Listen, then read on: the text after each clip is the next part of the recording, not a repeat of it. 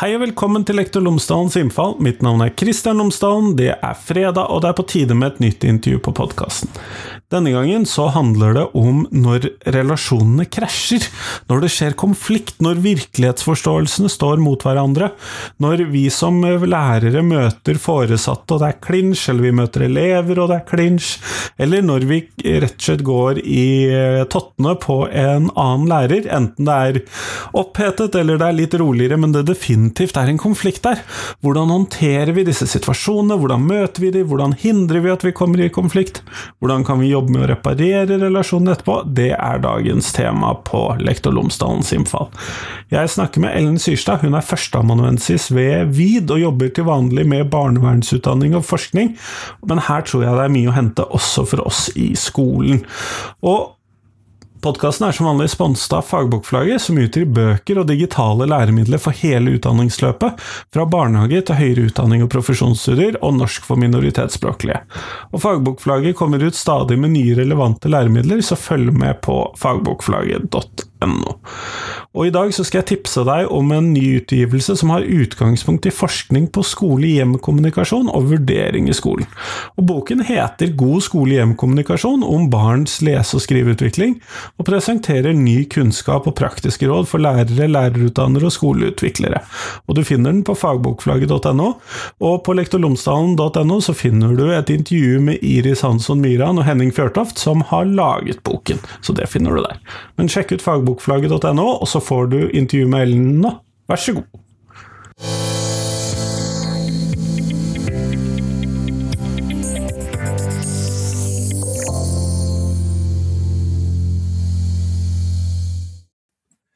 Ellen Skyrstad, tusen takk for at du har tatt deg tid til meg i dag. Jo, bare hyggelig. Takk for at jeg ble invitert. Før vi kommer sånn helt i gang med denne episoden, så hadde jeg håpet at du kunne fortelle lytterne mine tre ting om deg selv, sånn at de kan få bli litt bedre kjent med deg. Ja, um, jeg kan jo kanskje starte med hvor jeg jobber. Jeg jobber på VID i Oslo, som er da en høyskole i Oslo som utdanner sosionomstudenter, familieterapistudenter, sykepleierstudenter osv. Jeg jobber med, primært egentlig med sosionomstudenter, barnevernsstudenter.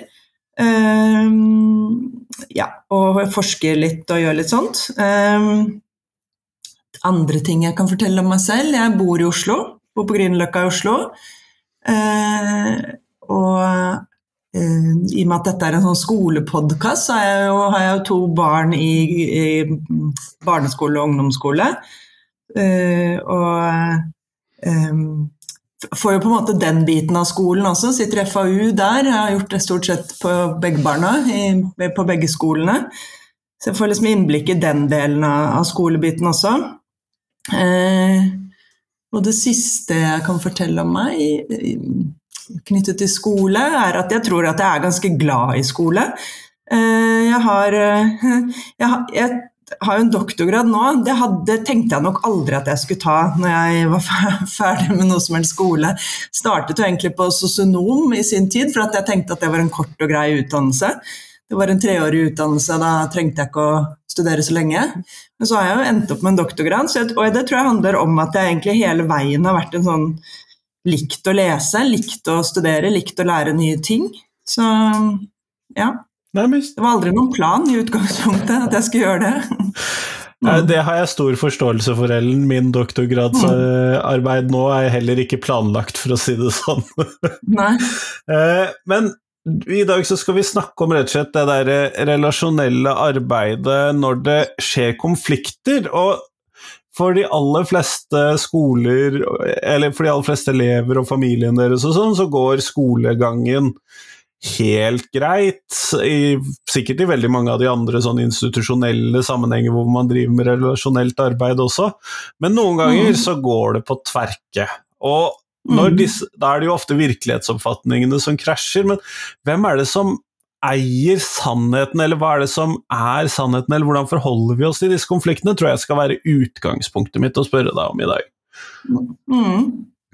Ja, og det er et interessant spørsmål, fordi eh, altså eh, Konflikter opp, kan jo veldig ofte oppstå nettopp fordi at det er ulike sannheter som bestrides.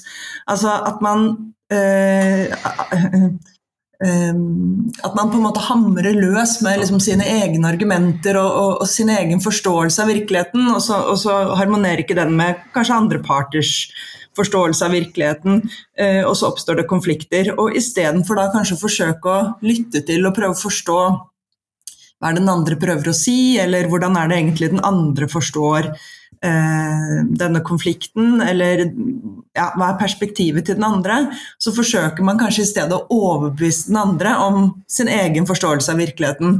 Og så, sitter, og så er det kanskje sånn lett å tenke at ja, det er det som er sannheten, den andre må bare forstå hvordan det egentlig henger sammen. Eh, og eh, dette er jo et tema jeg underviser en del i. da. Eh, og og, og, noe av det jeg har vært opptatt av, er ikke nødvendigvis å si at det fins ikke sannheter, og, og at, at, de på en måte skal At vi skal forholde oss til en verden hvor ikke sannheter fins. Men målet mitt er at særlig i mellommenneskelige relasjoner uh, så tror jeg vi har mye, av, mye å lære av å tenke at kanskje jeg skal prøve å forstå hvorfor den andre tenker som den gjør, istedenfor å overbevise den andre om min versjon av virkeligheten. Da. Ja, og dette er jo veldig vanskelig, fordi vi blir jo i en sånn kulturell sammenheng, enten det gjelder i tråd med de fleste religioner, men også i tråd med mm. vitenskapelig tankegang, så er det jo en mm. sånn fortelling om at det fins én sannhet, én virkelighet, mm. og at den gjelder. Mm. Eh, og det er jo det narrativet vi eksisterer i, og da er det jo plutselig litt mm. vanskelig når vi innser at vi ser ikke på disse situasjonene på den samme måten. Ikke sant? Ikke sant? Og, og, og, og hvis, hvis, hvis, man skal tenke konflikter generelt, da, jeg holder også på med et konfliktkurs på VID, så jeg er spesielt opptatt av disse tingene, men hvis vi skal tenke på konflikter, så, så, så kommer jo ikke, man kommer seg jo ikke videre hvis man på en måte skal holde fast i Eh, sin forankrede eh, sannhet. Og, og, man kan jo bare kikke seg rundt og se på verdenskonflikter. Altså Ukraina, Russland, eh, Palestina-konflikten. Altså, eh, hvis man ikke åpner opp og prøver å forstå eh, den andres, den, andres, versjon, eller den andres perspektiv, eller, så, så, så blir det ofte veldig fastlåst. Eh, men når man da snakker om da dette fastlåste, så snakker du også om en sånn konflikttrapp, og det kan jo kanskje være greit altså, å ha en viss oversikt over før vi går videre. Hva er det mm. du snakker om når du snakker om en sånn trapp? Ja, eh, altså Den konflikttrappen den brukes i mange sammenhenger, så det er ikke noe som jeg skal ta til ære for å ha lansert. Altså Man kan bare google konflikttrapp, så kommer det opp masse versjoner på, på, nettet. Men poenget med en sånn trapp, da, den er utformet litt ulikt, men poenget med en sånn trapp er jo for å vise liksom, hvordan en konflikt utvikler seg. Og det som er litt sånn gøy med konflikt, vi har et konfliktkurs på VID, som sagt, og der kommer det folk fra mange forskjellige profesjoner. Altså du har alt fra HR-folk til, til, folk i barnevernet, til folk i familievernet osv. Eh, og, og det som jeg syns er litt sånn gøy med at det er litt sånn tverrfaglig, er nettopp det at konflikt kan forstås litt universelt, uansett hvilken kontekst eh, konflikten foregår i. Altså Selvfølgelig er kontekst viktig, men allikevel er det noen felleselementer i konflikt som, som man ser eh, innenfor mange kontekster. Og Da er den konflikttrappen nyttig, fordi at du kan se hvordan en konflikt eh, starter, og den starter gjerne ofte med en uenighet. Men så eskalerer den, at intensiteten øker, man blir kanskje sintere på hverandre. Eh, etter hvert så, så Kanskje man drar med seg noen andre for å liksom få frem hvor dum den andre parten er osv. Altså jeg har flere venner som syns du er kjempedum, det er ikke bare meg. Og, og, så utvikler det seg, og så blir det etter hvert sånne fiendebilder. Og, og, helt øverst på konflikttrappen så er det såpass ille at man ikke snakker sammen lenger. Eh, og da kan man på en måte forsøke å kartlegge eh, Altså i konflikt når man snakker om konflikter, så er det alltid kjempeviktig å kartlegge en konflikt. Altså, hvor, hvorfor skjedde dette her? Hvorfor er de der de er nå, og hvor er de nå på denne trappen? Og, eh, og da er den som sagt, den trappen veldig sånn nyttig til å forsøke å forstå litt hva, hva er det som egentlig har skjedd der. Hvorfor er denne konflikten trappet opp til der den er i dag? da? Eh, og gjerne så detaljert som mulig, tenker jeg, å liksom få all den informasjonen om, om hva som har skjedd for Da er det også lettere å kunne gå ned alle de trappetrinnene igjen. Da. Og det aller beste er selvfølgelig å prøve å stoppe denne konflikten på et ganske lavt trappetrinn. For det er mye vanskeligere å trappe en konflikt ned enn å forebygge konflikten. Og der sier du jo noe, eller du sier egentlig ganske mye, og mye som jeg tror mm. er, er mulig å henge seg på her, men nettopp det der med hvis man da skal redegjøre for hvordan endte vi opp her, mm. eh, og så skulle ta oss og sitte da med to foreldre som deler to ulike oppfatninger av hva som skjedde, eller to mm. elever som deler ulik oppfatning, eller en lærer og en elev, i, i alle mulige slags kompliserte sammenhenger, Mm. Eh, hvordan skal man gå fram når man skal høre disse ulike historiene? For jeg kan tenke meg at hvis jeg skulle sittet der og hørt på mens den der kødden der borte eh, mm. forklarte hvordan dette her skjedde mm. Jeg hadde hatt lyst til å bryte inn tusen ganger mm. i løpet av den situasjonen. Mm. Mm. eh, hvordan, hvordan gjør vi dette? Ja, altså litt sånn kanskje, hva skal jeg si, jeg vet ikke om jeg kan kalle det en gylne regel, ja, men uh, Eh, en som heter Tore Hanne Ekeland, som har skrevet mye om konflikt. Han, han syns jeg på en måte sier dette på en god måte. Da, at, det, at, eh, at det, altså, han har en sånn modell som heter en sånn kontekst Nå husker jeg ikke akkurat hva den het, men den, eh, altså at du, du, går inn i en konflikt og, og, og ser litt altså, hvor hvor, hvor, hvor, på denne skalaen er denne konflikten? Er det en konflikt som er en høyintens konflikt, eller en høykonflikt, som den ofte kalles? Eller er dette en konflikt hvor partene liksom kan løse dette mer eller mindre selv? Og, og, og jo, kanskje jo mer høykonflikt det er, da, jo mer intens konflikten er, jo sintere de er på hverandre osv., eh, jo mer behov for at kanskje en tredjepart styrer konflikten. Eh, det sier seg jo egentlig selv. Ehm, og eh, i en høykonflikt hvor partene knapt snakker sammen og er kjempesinte og i hvert fall ikke vil lytte til hverandre, så er det jo viktig nettopp å styre. At eh, nå er det du som snakker, nå får du ikke lov å avbryte, nå er det du som snakker, osv. Så Det er det ene, men så går det også an å instruere parter når de er i konflikt. altså at F.eks. en ting man kan instruere, er at nå har vi et man kan instruere dem på språk. altså at Nå har vi et språk hvor du snakker på vegne av deg selv. Du, du har ikke et anklagende språk for den andre. Veldig fort gjort å, bli, å snakke med sånt, det man kaller for et du-språk, som er sånn uh, det er din skyld at dette har skjedd. At, at, du anklager den andre, men istedenfor å anklage den andre, så bruker du et jeg-språk og sier at 'jeg opplever denne konflikten vanskelig fordi at' osv. Så, videre. så Så kanskje jo mer øh, vanskelig denne konflikten er, da, og jo mer øh, i krig disse partene er, jo, jo viktigere blir det at en tredjepart eller en, den profesjonelle kommer inn og styrer og lager en veldig, veldig klar struktur. Og Noen ganger er det jo såpass ille at partene kanskje ikke klarer å snakke, eller være i samme rom engang. Og da kan man også ha særmøter med, med, med partene hver for seg. da. Jeg kjenner jo på at det også ville vært vanskelig, og da er det jo for, for, Hva sa de der, hva snakket de om, hva sa ja. egentlig denne møtelederen i møte ja. med dette, får jeg den samme forståelsen for mine synspunkter osv. Det er jo komplisert, dette her. Det er komplisert, det er det. Uh, ja. Men jeg tror, jeg tror, det er liksom viktig å bare lyst til å få sagt det vi holder på å skrive, vi holder på ut i en bok nå som heter 'Konflikt'. Eh, forståelse og håndtering, hvor, hvor, mange bidragsytere har bidratt til denne boken. Og, og, det vi innleder den boken med å si, er at eh, eh vi skal ikke være så redde for konflikter. Altså at det, det, å gå inn i konflikter og tørre å, snakke om konflikter Og vi må jo også huske på at konflikter er jo liksom en del av historiens drivkraft. altså Mange mange ting som, som ikke hadde eh, eh skjedd hvis ikke det hadde vært konflikter. Så, så konflikter er kjempeviktige. Eh, vi skal ikke som sagt unngå konflikter, men, men vi må håndtere konflikter på gode måter. Mm, så, så ja. Men når vi da snakker om dette, og det er mulig at svaret ditt sier seg selv, men mm. eh, hvorfor er det relasjonelle så utrolig viktig når det kommer til håndtering av og møte med disse konfliktene? Altså at man ikke bare ser på dette som eh, med et individperspektiv? Ja, altså konflikter eh, ja, altså I mitt hode så er konflikt eh, noe som skjer mellom mennesker. Altså Du kan jo selvfølgelig ha konflikt innad i et menneske, Eh, altså at man er i konflikt med seg selv. Jeg vet ikke helt hva jeg skal gjøre i dag, om jeg skal gjøre det eller det. ikke sant? Men, men mm, man sett, ser man bort fra de typer konfliktene, så er jo konflikt noe som er relasjonelt. Det er noe som skjer mellom oss. Og da må jo også håndteres relasjonelt, tenker jeg. Mm.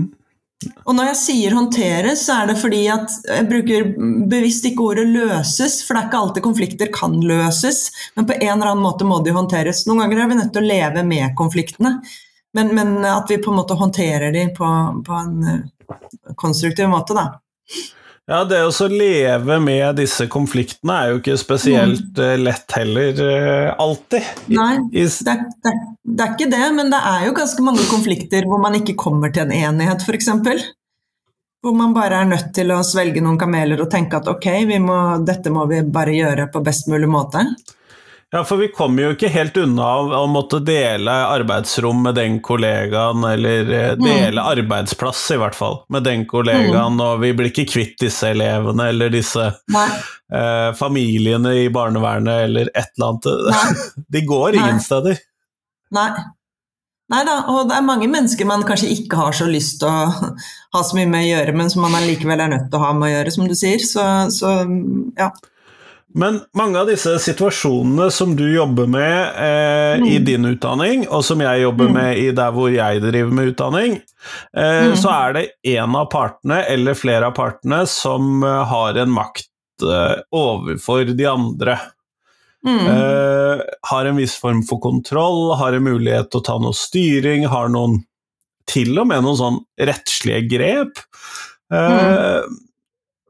Hvordan håndterer man disse konfliktene der hvor noen har en eller annen form for makt? da? Sånn faktisk og juridisk makt, og ikke bare sosial makt? Mm. Ja, mm. godt spørsmål. Eh, makt er jo komplisert, fordi altså man kan godt tenke liksom, det, er, det er sånn lett å tenke at makt handler om at noen gjør noe mot noen andre eh, som andre ikke vil. ikke sant? Som Webers definisjon av makt. Men, men, makt er jo mye mer enn det. Og som du var inne på, makt kan jo eh, også være eh, Altså, det er ikke alltid så lett å få øye på makten. Man kan tenke at her er det to likestilte parter, men allikevel er den ene i, en mye sånn mer maktfull posisjon, kanskje fordi at den ene er flinkere til å snakke for seg. Altså, så, så makt, kan, makt, Jeg har bare lyst til å si det, at makt er komplisert. Altså, det er ikke en sånn veldig entydig greie, men noen ganger så er det jo sånn at makten er det man kaller for sånn formell maktskjevhet. At makten er åpenbar skjev.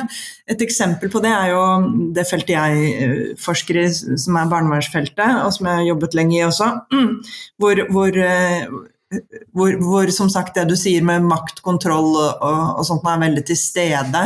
Fordi at barnevernet alltid i siste instans eh, vil kunne frata foreldre omsorg for barna sine, f.eks.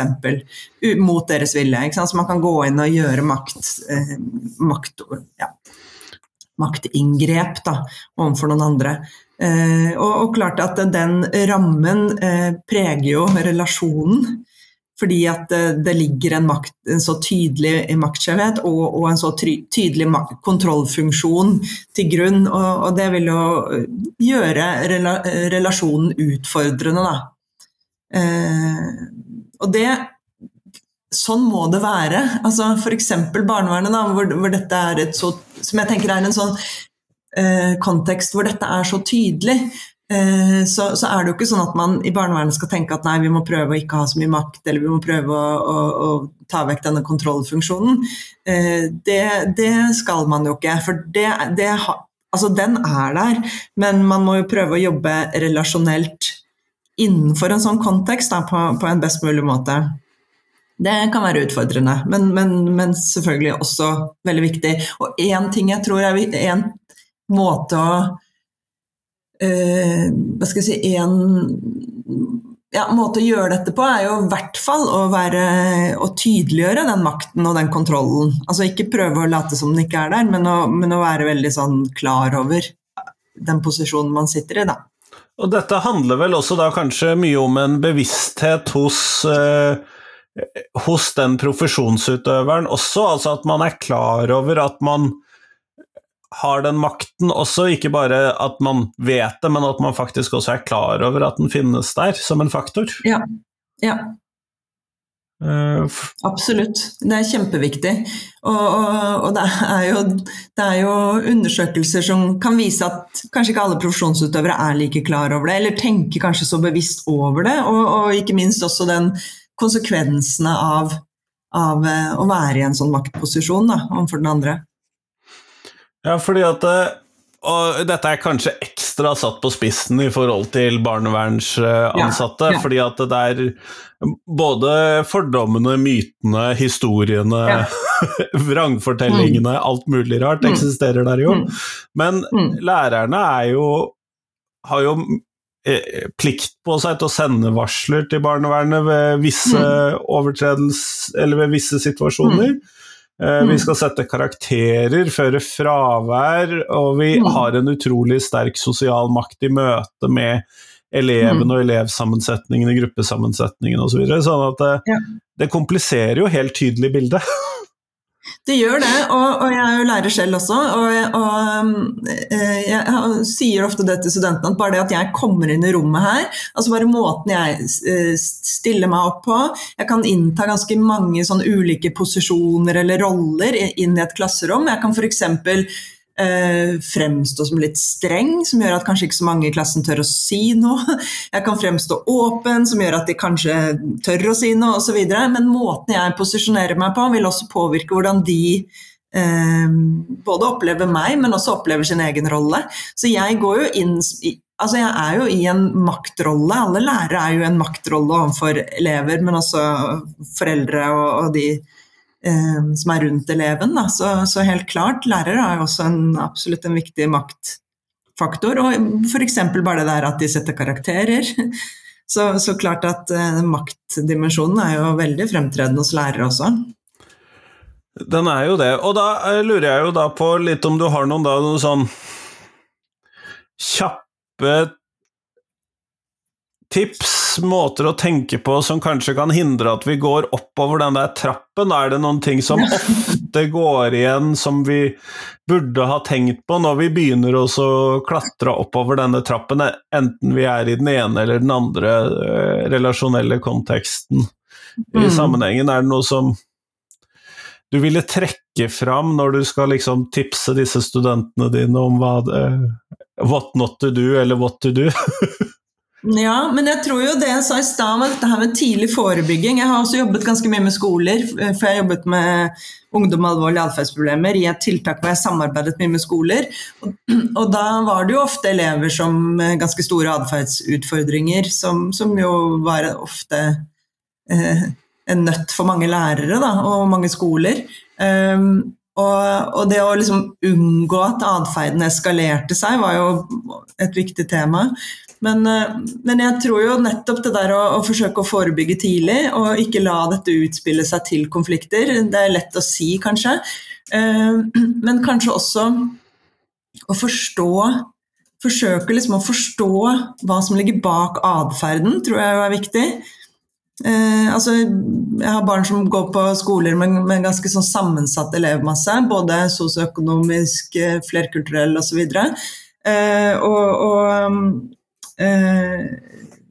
Ja, jeg tenker jo liksom det der å forsøke å forstå elevenes situasjon, forstå eh, ja, forstå hva de ulike elevene lever i, da, tenker jeg jo er viktig. Altså, hva er, som, hva er denne atferden et uttrykk for?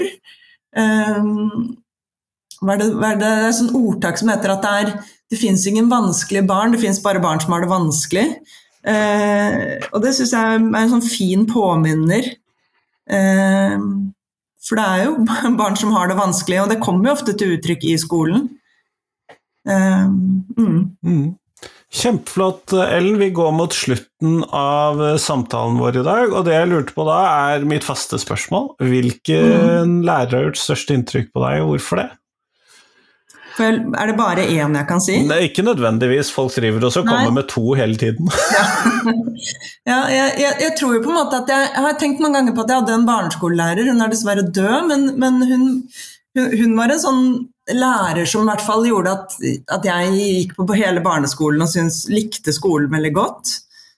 Uh, hun het Drude Tue, var en veldig, veldig, veldig fin lærer. Uh, og så har jeg hatt mange lærere opp igjennom, men jeg tror liksom det som kjennetegner Jeg har liksom tenkt litt på dette her, jeg tror det som kjennetegner mange av de gode lærerne jeg har hatt, er jo det engasjementet de har hatt for, for det de har formidlet, og, og, kanskje også at de har brakt inn nye ideer. Jeg har lyst til å nevne også en lærer som jeg hadde på familieterapi, som er kollega av meg nå, som heter Anne Øfsti. Hun, uh, hun syns jeg også brakte inn liksom et tankegods og noen ideer og tanker som, som, som, jeg ble veldig Da var jeg jo voksen når jeg tok familieterapi, men, men at jeg tror det satte eh, Jeg tror jeg fikk veldig sånn nye perspektiver på å forstå virkeligheten ved, ved å, å, som hun, hun, bidro med, da, som gjorde at jeg ble veldig engasjert i, i det faget. Mm. Mm. Nei, men eh, Kjempeflott. Tusen takk for at du tok deg tid til meg i dag. Jo, veldig hyggelig å bli invitert. Mm.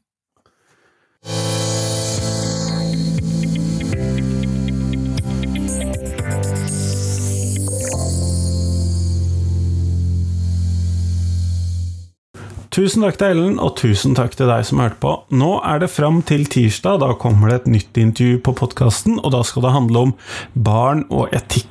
Og hvordan, eh, kanskje hvordan vi skal jobbe med etikk med barn, men også hvordan vi skal jobbe etisk med barn. Her er det mye å pakke ut i dette møtet med to gamle sluggere. Det er kanskje litt sykt å kalle de gamle, men de er i hvert fall godt voksne. Men de har vært sentrale i sitt fagfelt lenge. Det er vel kanskje det som er det viktige i den betegnelsen. Det er Levi Geid Eidhamar og Pål Ler Salvesen som da skal snakke om barn og etikk på podkasten. Så det kommer på tirsdag, det gleder jeg meg selvfølgelig til.